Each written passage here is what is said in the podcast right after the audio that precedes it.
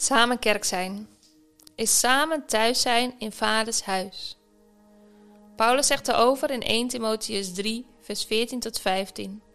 Hoewel ik hoop spoedig naar je toe te komen, schrijf ik je dit alles voor het geval ik mocht worden opgehouden. Dan weet je hoe men zich moet gedragen in het huis van God. Dat wil zeggen de kerk van de levende God. Fundament en pijler van de waarheid. Samen thuis zijn in vaders huis de kerk van de levende God. Fundament en pijlen van de waarheid. Thuis zijn, je thuis voelen, is soms iets anders dan thuis zijn.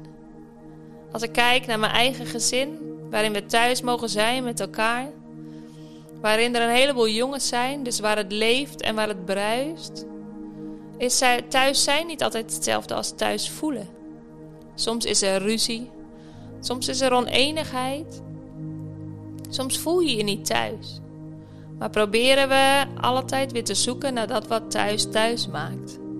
Proberen we het bij te leggen. Proberen we aandacht voor elkaar te hebben en naar elkaar te luisteren. En thuis in Gods huis, thuis in de kerk, thuis in de gemeente, is hetzelfde beeld als thuis zijn in een gezin. Ook daar is er oneenigheid, zijn we het niet altijd met elkaar eens. Maar proberen we oprecht altijd te proberen te zoeken naar dat wat ons, dat wat thuis thuis maakt, dat wat ons samenbindt. Thuis in Gods huis. Thuis bij Zijn liefde. En door Zijn liefde heen de liefde voor elkaar. En in een stafgebedsuur werd ik hierbij bepaald. Bij vaders huis. En ik zag een beeld van een kind dat aan de hand van een vader thuis komt in Gods huis. En daar ontstond het volgende gedicht. Vaders huis. Aan de hand van vader loopt ze naar binnen. Ze wordt welkom geheten, bij naam genoemd, gekend, gezien. En zelfs onbekende mensen nemen de tijd voor haar. Ze luisteren en bemoedigen. Als het te lang duurt, rent ze weg, op zoek naar vriendjes.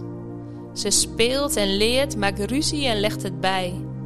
Ze ontdekt wie ze is en bovenal wie hij is. Ze struikelt en valt, wordt overeind geholpen, haar schaafwond verzorgd, een pleister geplakt. Ze ontmoet Jezus soms door een verhaal, een woord, een lied en soms gewoon door degene die haar jas aandoet. Ze gaat naar huis en komt weer terug, steeds opnieuw. Dan valt ze zo hard dat ze een poosje niet kan komen. Ze worstelt, is verdrietig, teleurgesteld blijft hangen, tot ze wordt opgehaald, door anderen meegenomen. Verbaasd, maar dankbaar stromen er vreugdetranen. Er is om haar gedacht. Opnieuw zelfstandig komt ze terug, neemt ze zich voor er ook zo voor anderen te zijn. En ook al gaat het met vallen, pleisters plakken en opstaan, ze blijft trouw. Pas op het moment dat ze zelf voor de deur staat, met een kleintje aan haar hand, komen twijfels terug. Durf ik los te laten? Ze wacht, twijfelt, maar zet dan opnieuw een stap naar binnen. Hij is hier. Dat maakt veilig.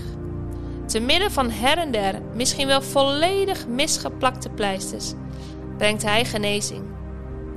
Hij is trouw. Zijn hand laat niet los. Ik bid dat we zo als gemeente samen thuis mogen zijn in Vaders huis. Samen thuis met onze verschillen, met onze oneenigheden. Met onze misschien wel door een ander volledig misgeplakte pleisters. Maar Hij brengt heling. Hij geneest. En Hij brengt thuis. Samen thuis in Vaders huis.